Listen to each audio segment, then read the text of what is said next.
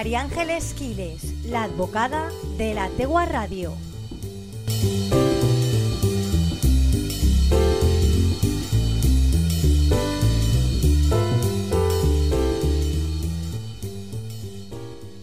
Hola Elia, buenas tardes aquí y a todos los que nos escucháis. Toca hablar de derecho y vamos a ver qué pasa cuando encontramos un tesoro oculto. Antes de eso, y en relación con lo que hablábamos la semana pasada del volcán, os voy a leer un artículo que, buscando el tema del tesoro en el Código Civil, pues me ha parecido muy interesante y que podría eh, ser importante en este asunto, ¿no? Y es que viene a decir que en el artículo 1575, el arrendatario no tendrá derecho a rebaja de la renta por esterilidad de la tierra arrendada o por pérdida de frutos provenientes de casos fortuitos ordinarios, pero sí en caso de pérdida de más de la mitad de frutos por casos fortuitos extraordinarios, imprevistos, salvo siempre pacto especial en contrario.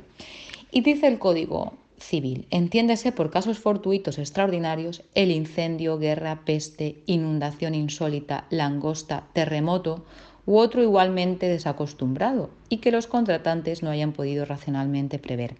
No habla efectivamente de, de la erupción de un volcán, pero está claro que es un caso fortuito extraordinario, salvo que los palmeros, cuando arrendaban las tierras, tuvieran en cuenta que estaban en suelo volcánico y ello podía suceder. En el caso de que lo hubieran establecido, los arrendatarios no tendrán derecho a la rebaja de la renta por esterilidad de la tierra, que es el caso, pero si no lo hubieran pactado, estaríamos dentro de los casos fortuitos extraordinarios y tendrán derecho a la rebaja de la mitad de... pero sí en caso de pérdida de más de la mitad de frutos por causas fortuitos o imprevistos tendrán derecho a una rebaja de la renta por esterilidad de la tierra. En una de las partes, si obviamente todo ha sido, toda la plantación ha sido arrasada por el volcán, pues poco, pocas ganas tendrá el arrendatario de continuar con la misma. Pero en el caso de que solamente hubiera sucedido a una de las partes, pues bueno, estaríamos dentro de este supuesto de obligatoriedad de, de, bajada de la renta. Y ahora nos vamos a ir al tema del tesoro, y es que, si no recordáis mal, hace unos días saltaban las noticias que uno de los, mm, bueno, unos chicos, creo que eran alicantinos, o uno no sé dónde eran, pero fue en Alicante, en la zona de Denia, encontraron un tesoro oculto mientras hacían submarinismo en las aguas de, de Xativa, de, de, Denia no era, creo que era de Xativa, si no recuerdo mal.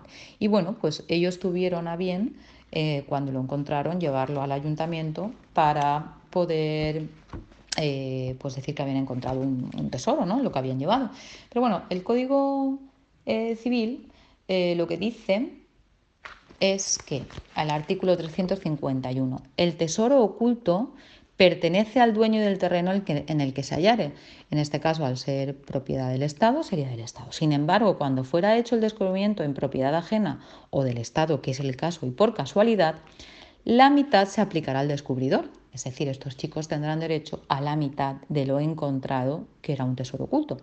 Si los efectos descubiertos fueren interesantes para las ciencias o para las artes, podrá el Estado adquirirlos por un justo precio, que se distribuirá en conformidad a lo declarado.